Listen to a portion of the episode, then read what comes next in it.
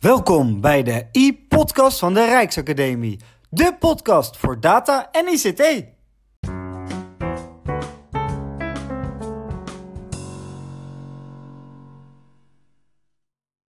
Welkom, beste luisteraar, bij deze eerste podcast over de CIO als onderdeel van de opleiding van de Rijksacademie. Jullie zijn hier vandaag omdat jullie op een of andere manier te maken hebben met ICT binnen de Rijksoverheid of daar graag veel meer over willen leren. Wij als opleiding moeten natuurlijk aansluiten op jullie voorkeur voor technologie en vandaar deze podcast. En als eerste gast heb ik vandaag uitgenodigd Floris van Hoek, welkom. Goedemorgen, dankjewel. Uh, ja, fijn om hier uh, te zijn en uh, we mogen praten over wat ik elke dag doe op kantoor. Of nee, thuis, sorry. Um, nee, inderdaad. Dus, ik ben Floris, Floris van Hoek, werkzaam bij de CIO Rijk, de Chief Information Officer van de Rijksoverheid. Um, dat doe ik nu ruim twee jaar. hiervoor heb ik vier jaar gewerkt bij de Chief Information Office van Infrastructuur en daar ook uh, van alles mee aan de aspecten van ICT binnen de overheid. Um, en voor die tijd allemaal andere functies bij infrastructuurmaatstaat of bij, uh, even kijken, bij From, bij Financiën, verschillende functies, allemaal leuk. en nu doorgegroeid tot de CIO. Oké, okay, dus al allemaal verschillende plekken in de Rijksoverheid ook op bekleed. Ja. Nu helemaal als een vis in het water bij een CIO? Of? Ja, dat zeg je goed inderdaad. Ja, eigenlijk als een vis in het water. Dat uh, valt heel goed. Um, uh, nou ja, verschillende activiteiten uh, hou ik me mee bezig elke dag. Um, en ja, het gekke is, toen ik natuurlijk begon bij de Rijksoverheid, nog nooit gehoord van een Chief Information Officer. Dat, dat, was er wel bij het bedrijfsleven, is later bij de overheid ingezet. Um, en in die vorige functies ook ook toen weinig mee te maken gehad, tot ik op een dag uh, ja, er tegenaan liep. En vanaf dag één dat ik daar werk, ja, erg naar mijn zin. Ik uh, kan uh, ja, mijn collega's helpen met van alles en nog wat. ja, nee, het is een interessante club. Nou, dat is mooi om te horen, want dat is niet heel toevallig ook het onderwerp van vandaag. het, de CIO, dus jij als CIO kan dat natuurlijk heel goed aan ons vertellen. Wat willen wij deze podcast gaan doen, dames en heren? Uh, wij willen eigenlijk antwoord op een aantal vragen. En we willen namelijk ten eerste weten wat de CIO is en vooral wat de CIO offices zijn. we willen dan eigenlijk ook vooral weten waarom die er zijn. Waarom zijn die ontstaan binnen de Rijksoverheid? Maar misschien nog wel belangrijker, meest relevant voor de luisteraar. Wat doen zij eigenlijk en hoe krijgen zij ermee te maken? Op deze vragen gaan wij de, tijdens deze podcast een antwoord vinden.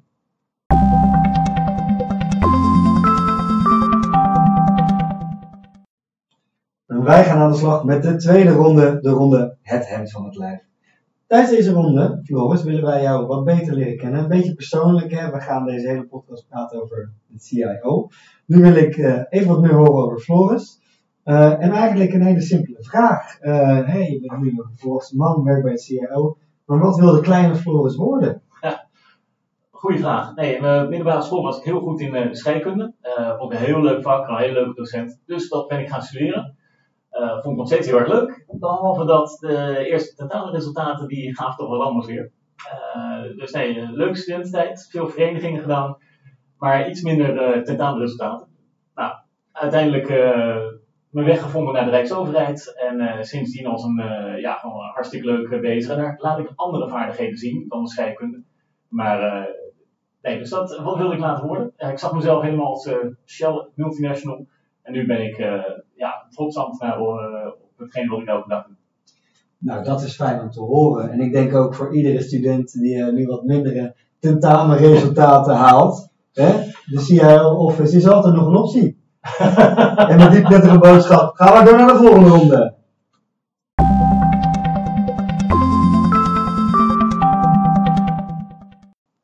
Dames en heren, welkom terug. Wij gaan weer verder maar voor wij echt verder gaan, moeten wij onszelf een ja, vrij existentiële vraag stellen, Floris.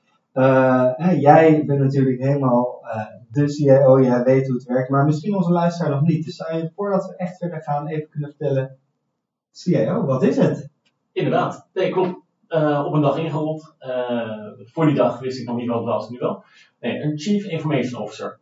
Elk departement heeft een, één directeur die verantwoordelijk is voor alle ICT binnen dat departement. Dat is de Chief Information Office, eh, Officer. Eh, die directeur is daar met die verantwoordelijkheid en heeft daar ook een ploeg voor tussen de 10 en de 70 man, experts op het gebied van ICT. Eh, en die adviseren dus een bewindspersoon over de ICT in zijn departement. En die hele club noem je CIO Office. Die hele club noem je een CIO Office, inderdaad. Dus eh, jij bent dan als CIO verantwoordelijk daarvoor, per departement. Per departement is er een CIO, eh, dus een Chief Information Officer, met zijn eh, office. Ehm, en omdat elk departement dat heeft, is het in een aantal gevallen ook handig dat je rijksbreed een Chief Information Officer hebt. Ik werk sinds twee jaar bij de Chief Information Officer Rijk en doe, eh, ben dus betrokken bij rijksbrede aspecten van de ICT. Oké, dus ieder departement zijn eigen CIO plus CIO Office.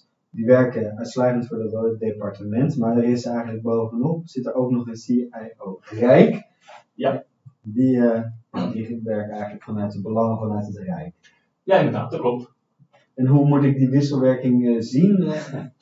Dat, ja, ik vroeg me af of ik je moest eh, eh, storen met dat pu- puntje. Nou, eh, het ligt af en toe wel gevoelig of de CIO Rijk bovenop de departementale CIO's ligt. Zelf zie ik dat graag als, als samen, hè, onderdeel van het speelveld.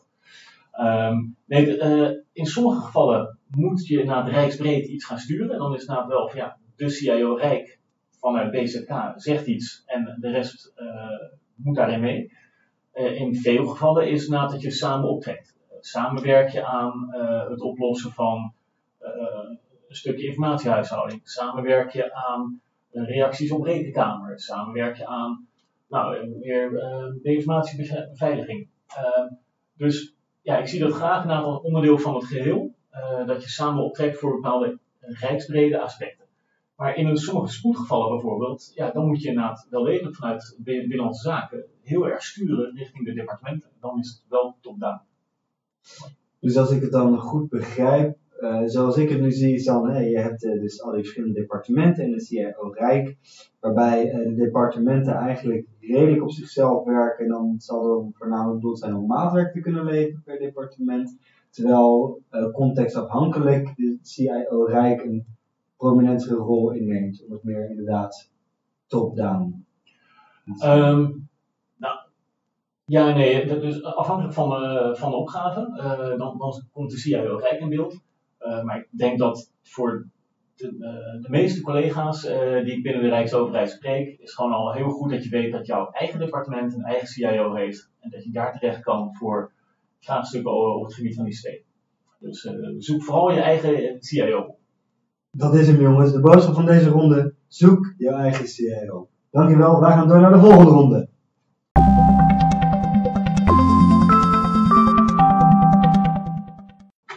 Wij gaan verder met de volgende ronde. De ronde die heet de spijker op zijn kop. In deze ronde gaan wij eh, ja, vrij objectief kijken naar een casus die Floris heeft meegebracht. Eh, waarom gaan wij dit doen? Eh, wij gaan het doen omdat wij heel graag een antwoord willen op de vraag: wat doet zo'n CIO-office nou precies? En dat willen wij graag doen aan de hand van een praktijkvoorbeeld. Dus Floris, vertel. Ja, inderdaad. Eh, vorig jaar eh, kreeg ik een bericht van de Algemene Rekenkamer. Die waren met een onderzoek gestart. En er was een onderzoek naar algoritmes. Eh, zij gingen bij alle departementen onderzoek doen naar welke algoritmes hebben jullie. Vooral de complexe algoritmes. Ze waren op zoek naar zelflerende algoritmes. Dus elk departement heeft gegevens over, van zichzelf en van de burger. Eh, en eh, dus is er een ge- mogelijkheid dat de computer een besluit neemt op basis van die gegevens, zonder dat daar een mens bij betrokken is. En zo ja, eh, hebben wij daar nog invloed op. Nou, onderzoek zo ingezet en gestart door de Algemene Rekenkamer. Dus bij alle CIO-offices van de departementen hebben ze navraag gedaan. Er kwamen een aantal zelflerende en complexe algoritmes naar boven. Hartstikke interessant. Eh, en gelukkig, uiteindelijk, na dat onderzoek, kwam er een conclusie van de Algemene Rekenkamer dat de complexe algoritmes van de overheid zijn navolgbaar en die, er is in alle gevallen te volgen wat de computer doet. Eh, dus er is geen sprake bij de Rijksoverheid voor, van vooringenomenheid of eh, dat je geen zicht hebt op wat er binnen die computer gebeurt. Op zich een, positieve conclusie, daar waren we blij mee. En daarmee na ja, gewoon goede stap in het werkveld van de algoritmes. Ehm, even aangeven het ook, uh, die vraag kwam bij mij terecht vanuit bij CIO Rijk, uh, omdat het onderzoek bij alle departementen liep. Uh, dus die onderzoekers zijn ook in gesprek gegaan met alle CIO's van de departementen. En moet je dus denken aan de UWV, of dus bij sociale zaken bij UWV. Goh, wat gebeurt daar met mensen met een uitkering en de gegevens die ze daarvan hebben? Bij de Belastingdienst. Uh, welke gegevens hebben zij en, en in hoeverre leidt dat tot uh, een automatische beschikking voor je belastingaanslag of je toeslagen? Um, uh, het ging ook inderdaad bij Buitenlandse Zaken, want is een algoritme over, ehm, ja, over reisdocumenten die afgegeven werden. Ehm, nou, dat staat inderdaad in dat rapport helemaal uitgelegd hoe dat mooi werkt. Maar ook ehm, bij veiligheid en justitie, goh, een algoritme, wat zegt dat over de veiligheid van, uh, van burgers? Bij Binnenlandse Zaken werd, uh, collega's van mij waren bezig met algoritmes. In hoeverre hebben zij invloed op je, je privacy en op je, je grondrechten? Uh, en even kijken, nou, zo elk departement was erbij betrokken, die hadden ergens zo'n algoritme. en dus daar telkens de vraag, wat doet het departement met de gegevens? En in hoeverre heeft dat invloed op uh, je besluitvorming en, en, je relatie met de burger. Uh, dus uh, ook daar, en wat je dus ook zag, bij elk departement was dat anders. Dus reisdocumenten bij de een, je studiefinanciering bij de ander, bij Defensie ook naar wat complexe algoritmes. nou, ja, een hele spannende, spannend onderwerp, ook gezien de kinderopvangtoeslag. Uh, en elk CIO of is op zijn eigen manier dus bezig met het vraagstuk. Uh, hartstikke goed. Goed dat er onderzoek naar gedaan is. En uiteindelijk moest dat onderzoek, dat werd aangeboden aan mijn bewindspersoon. En, en die wilde graag als kabinet een reactie geven aan de rekenkamer. Zodoende werd mijn taak om beide collega's te vragen: wat vinden jullie van het onderzoek? Hoe zijn jullie bezig met algoritmes? En wat mag ik namens jullie bewindspersoon meenemen in mijn reactie? Oké, uh, als ik het zo hoor, een paar dingen. Ten eerste, gefeliciteerd. Je zegt uh, een fijne, fijne uitslag uit onderzoek, dus uh, gefeliciteerd daarmee. Dankjewel. ten tweede, je hebt het over al die verschillende departementen. En als ik dus de vraag zou stellen wat, ze, wat zij doen, dan zijn zij dus in dit geval heel erg bezig juist met al die algoritmes. En heel erg gebaseerd op hoe zij die computers eigenlijk zelf keuzes kunnen ma laten maken. Dat het beter gaat. Dat zijn jullie aan het ontwikkelen eigenlijk. En ieder departement, CIO office, doet dat voor zichzelf. Ja, ja inderdaad. Um, ja, voor zover het. Uh, ja, nee, elk departement is met zijn eigen argumenten bezig uh, om zijn informatiehuishouding vorm te geven. Uh, nou, om, ja, je hebt gegevens van jezelf en van burger. daar kan je het een en ander mee het meest eenvoudige is bijvoorbeeld, je ontvangt brieven van de burger en eigenlijk automatisch gaat er een briefje terug richting burger. Dank u wel voor uw schrijven, wij zullen binnen zoveel weken reageren. Mm dat is al volledig geautomatiseerd bij sommige departementen. Dus daar komt geen computer bij kijken, of tenminste komt geen mens bij kijken. Dat is uh, volledig ja, op basis van een algoritme. Uh, nou, deze is heel onschuldig, dat heeft de rekenkamer ook gezien. Maar in andere gevallen ja, gaat dat echt wel een stap verder. en dan moet je dus kijken, is er nog een mens bij betrokken uh, die dus een gezonde afweging kan maken op hetgeen wat wij als overheid naar de burger doen. Ja, nee, dat snap ik. Nou, dat is in ieder geval goed om te horen dat jullie daarmee bezig zijn. Dat lijkt me ook zeker uh, de toekomst natuurlijk. Wat ik wel ook hoorde was al die verschillende departementen. Uh, hè, en dan één onderzoek vanuit één instantie die eigenlijk buiten die CIO-kolom zit, hè, de rekenkamer. En jij moet dan intern eigenlijk een soort algemeen bestuurlijk stuk namens alle departementen gaan uh, ontwikkelen. Dat lijkt me toch makkelijker gezegd dan gedaan. Ik, uh, ja. ik hoor je al lachen, die, die hier is reden verstopt om over te praten. Dus dat wil ik ook graag met jou doen in de volgende ronde.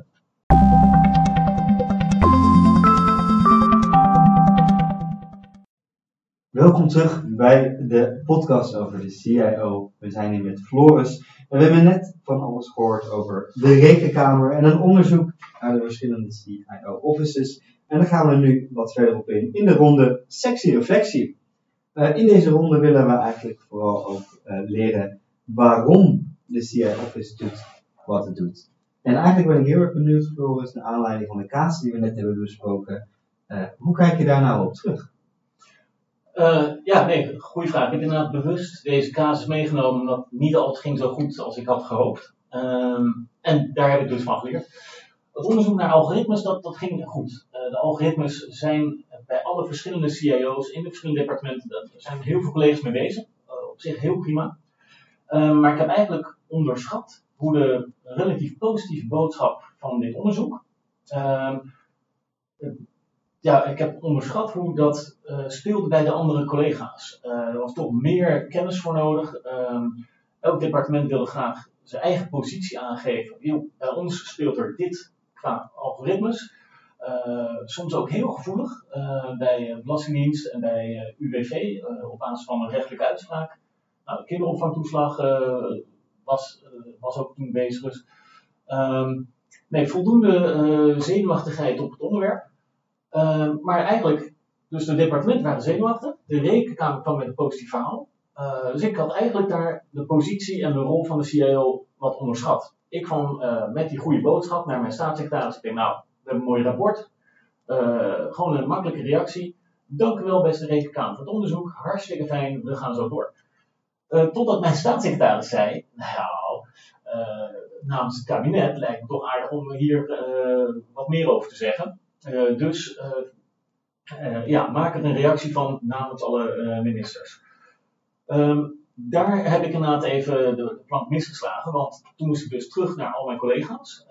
jongens, wat vindt jullie bewindspersoon van? Nou, dat heb ik geweten. er kwamen verschillende reacties, soms heel technisch, soms heel bestuurlijk van, oh jee, let op. en dat moest ik allemaal samenbrengen tot één brief met een reactie namens het kabinet. Ehm, in dat proces heb ik onderschat uh, hoe een CIO inderdaad wel degelijk een hele goede, uh, sterke positie heeft in het departement. Ik was eigenlijk ervan uitgegaan dat we, oh, de, het is de rekenkamer, een beetje procesmatig antwoord. Uh, dus ja, ik, ik had me iets te laag ingeschoten. Um, maar ja, snel gecorrigeerd. met hulp van alle collega's. Uh, en, en, toen nou, dus vanuit al die CIO's, nou de, de, helft had echt hartstikke goede bijdragers. Het was even een puzzel om dat uh, in één brief tot een balans te krijgen. Uh, maar uiteindelijk is dat dus wel gelukt, gelukkig. Um, dat is wel heel erg fijn. Hey, want ik kan me voorstellen dat het met alle verschillende departementen een ongelofelijke uitdaging is. En is dat dan ook een van de ontwikkelingen die jij graag zou willen zien bij het CIO dat het meer samengaat? Of zijn er andere ontwikkelingen waarvan je denkt, daar zouden we nu aan moeten staan? Zeker naar aanleiding van deze casus. Nou, naar aanleiding van deze casus. Um, het, is goed dat elk departement uh, zijn eigen CIO heeft en, en op hun eigen manier omgaat met de materie. Dat heb ik eh, prima. Eigenlijk heeft dit onderzoek daarmee ook een stukje vertrouwen gegeven. Ik heb daar experts aan de lijn gehad. Ja, heel goed om samen uh, dit te bespreken en, en ook gewoon die kennis uh, uit te wisselen. En die kennisuitwisseling hoeft niet te leiden tot een eenheidsworst. Juist niet. Um, want de problematiek is ook anders bij de departementen. Wel is het uh, mijn rol en de rol van de uh, Binnenlandse Zaken qua CIO om uh, één boodschap namens kabinet te, te, geven. Dat is dus ook wel gelukt. Um, en wat ik eigenlijk dus ook geleerd heb, is dat de CIO eigenlijk ook hier duidelijk een positie moet jongens, we zijn ergens in de bezig met systemen, met informatiehuishouding, of met beleid. Beleidsvraagstukken over privacy, over veiligheidsaspecten van algoritmes, over uh, economische waarden. Um, dus al die onderwerpen spelen. En ik had dus ook hier een complex uh, geheel van beleidsontwikkeling bij de een, uitvoeringsproblematiek bij de ander, een stukje technische achtergrond. en dat kwam bij elkaar. Uh, maar ja, ik had eigenlijk onderschat. Uh, ik dacht eigenlijk, dat doe ik eventjes zo. Maar nee, dat was een stuk complexer. Dat kan ik me goed voorstellen, maar ja, dan is ook de vraag, hoe gaan we dat dan doen? um, ja, nou inderdaad, hoe gaan we dat doen? Um, nou, ja, klopt. En dat is inderdaad ook, uh, dankjewel voor de herinnering, dat is natuurlijk het begin van de podcast. Wat zijn de ontwikkelingen van de CIO? Um, ja, door de hele rekenkamer was ik even daar in die fuik. Maar er zijn Tig collega's zijn ermee bezig om het CIO-stelsel, dus de manier waarop een CIO in een departement staat en georganiseerd is, uh, dat is juist nu dit jaar in ontwikkeling. Uh, we hebben met de jaarwisseling een nieuw CIO-besluit ge genomen. Uh, dat hebben we dus alle CIO's gedaan, alle ministers hebben dat in hun ministerraad geaccordeerd. En dat de afgelopen maanden is dat in ontwikkeling, dat elk departement eigenlijk een soort foto maakt van zijn organisatie, dat even tegen het licht houdt goh, zijn wij goed geëquipeerd? Hebben wij de juiste mensen aan boord? Zitten we op de juiste plek? Hebben wij genoeg zeggenschap? Ehm, en nou, ook deze casus geeft aan dat de kennis is er. En in het ene geval is hij sterker aan het woord dan in het andere geval. En dat gaan we dus nu een beetje balanceren. Dat alle CIO's een goede plek hebben in een departement en uh, in staat zijn om op het juiste moment ook de juiste informatie te kunnen leveren. Oké, dus we zijn echt, als we het hebben over de ontwikkelingen, zijn we echt aan het focussen op die uh, ja, departementale CIO-offices en hoe zij binnen dat departement staan en hoe zich zij zich ja, eigenlijk daar kunnen manifesteren. Ja. Als het ware. Ja, ja, ja, nee, absoluut. Dat is, uh, dus dat CIO-besluit is een ja, deels puur organisatie, maar er zit veel meer achter. Uh, natuurlijk organisatie, manier van werken, uh, dat je samen optrekt waar mogelijk. Uh, natuurlijk ook met behoud van je, je eigen omgeving. dat is een van de belangrijkste ontwikkelingen. En verder inderdaad ook de bewustwording van je informatiehuishouding. Welke datasystemen heb ik? Wat zit daar verder omheen? Wat doe ik er ook mee? Dat is nog recenter. Dat, eigenlijk, dat zul je de komende weken en maanden inderdaad ook hier en daar gaan zien. Ook ja, groter bewustzijn van wat je in huis hebt aan gegevens en hoe je daarmee om moet gaan. Ja, zeker met de AVG-technische aspecten natuurlijk. Ja. je ziet het ook nu allemaal, datalekken bij GGD bijvoorbeeld. ja. ja. Daarin wordt jullie rol steeds prominenter natuurlijk. Klopt inderdaad, ja. Um, ja, nee, klopt. Ja, en als ik dan nog even terug uh, ga naar de kern, dus wat betreft ontwikkelen gaat het waar we het net over hebben, over welke plek jullie nou innemen in zo'n totaal departement. Hè, en uh, dus waarom de uh, CIO daar nou van toegevoegde waarde is. ja, ik kan hem ook zelf invullen, misschien heb jij trouwens, daar ben je klaar voor. Um, nou, waarom is hij van meerwaarde? Dit is de centrale speel tussen hetgene wat je aan de ene kant beleidsontwikkeling doet, uitvoeringspraktijk, en zodra je dus eenmaal bezig bent in dat veld, met gegevens, met systemen, dan is het wel zo prettig als je daar gewoon uh, snel advies kan hebben voor jezelf om je eigen werk te doen, maar ook voor je bewindspersoon om dat inderdaad ook daar goed uh, aan het voetlicht te brengen. En dan kunnen wij daar eigenlijk heel goed in helpen. Dat is goed om te horen. En dan is het juist ook die meerwaarde dat het departementaal georganiseerd is, omdat je dan heel erg natuurlijk specifiek op dat departement kan handelen. Kijk, dat lijkt me een hele heldere boodschap. Ik denk dat het, uh, ik heb een hoop geleerd in ieder geval. En ik denk dat het alweer tijd is voor uh, de laatste ronde.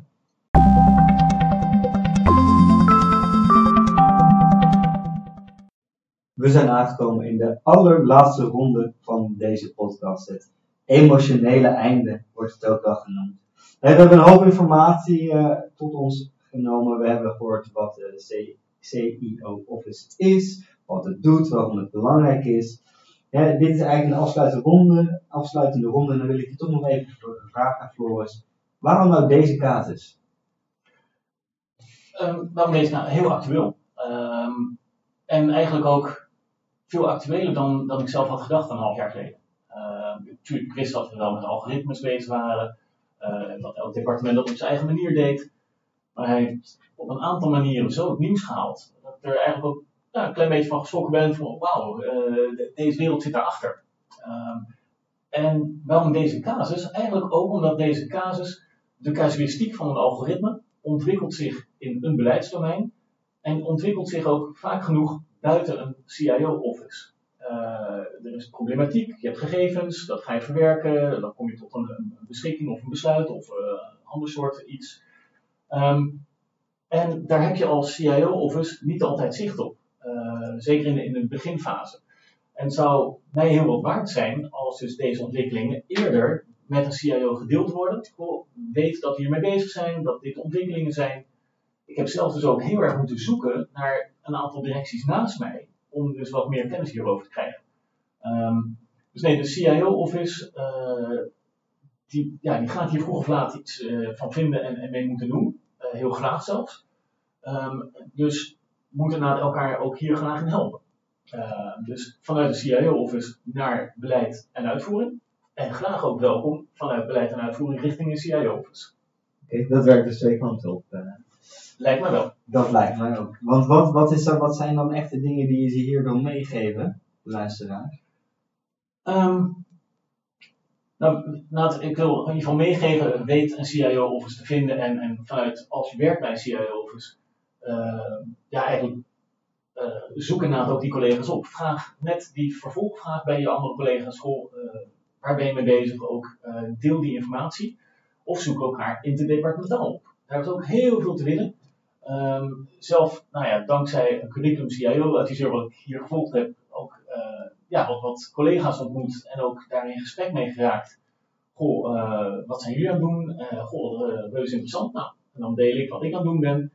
Um, dat helpt heel erg in mijn dagelijkse werk. Als ik ergens mee zit, dan kan ik natuurlijk mijn rechtstreeks collega vinden, bevragen. Maar soms vind ik het juist prettig om die collega aan de andere kant van de, ja, bij een ander departement te vragen. Okay.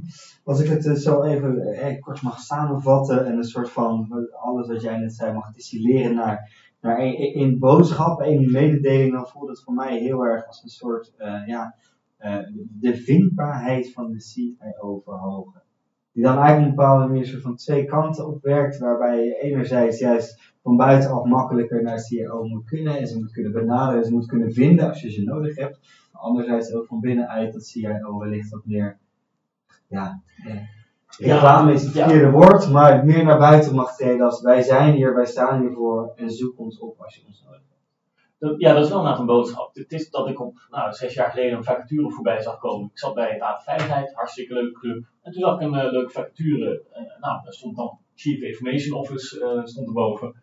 Maar de rest van de vacaturetekst, nou, dat sprak me wel aan. En vanaf dag één, ja, reuze leuk werk, vind ik zelf. ja. En dat lijkt me een nog mooiere boodschap om deze podcast mee, uh, mee af te sluiten. Reuze leuk werk, maar dus vooral ook jongens, vind de CIO-office als je ze nodig hebt. Jongens, dit was de podcast. Wij zien jullie graag, horen jullie graag de volgende keer. Dank jullie wel.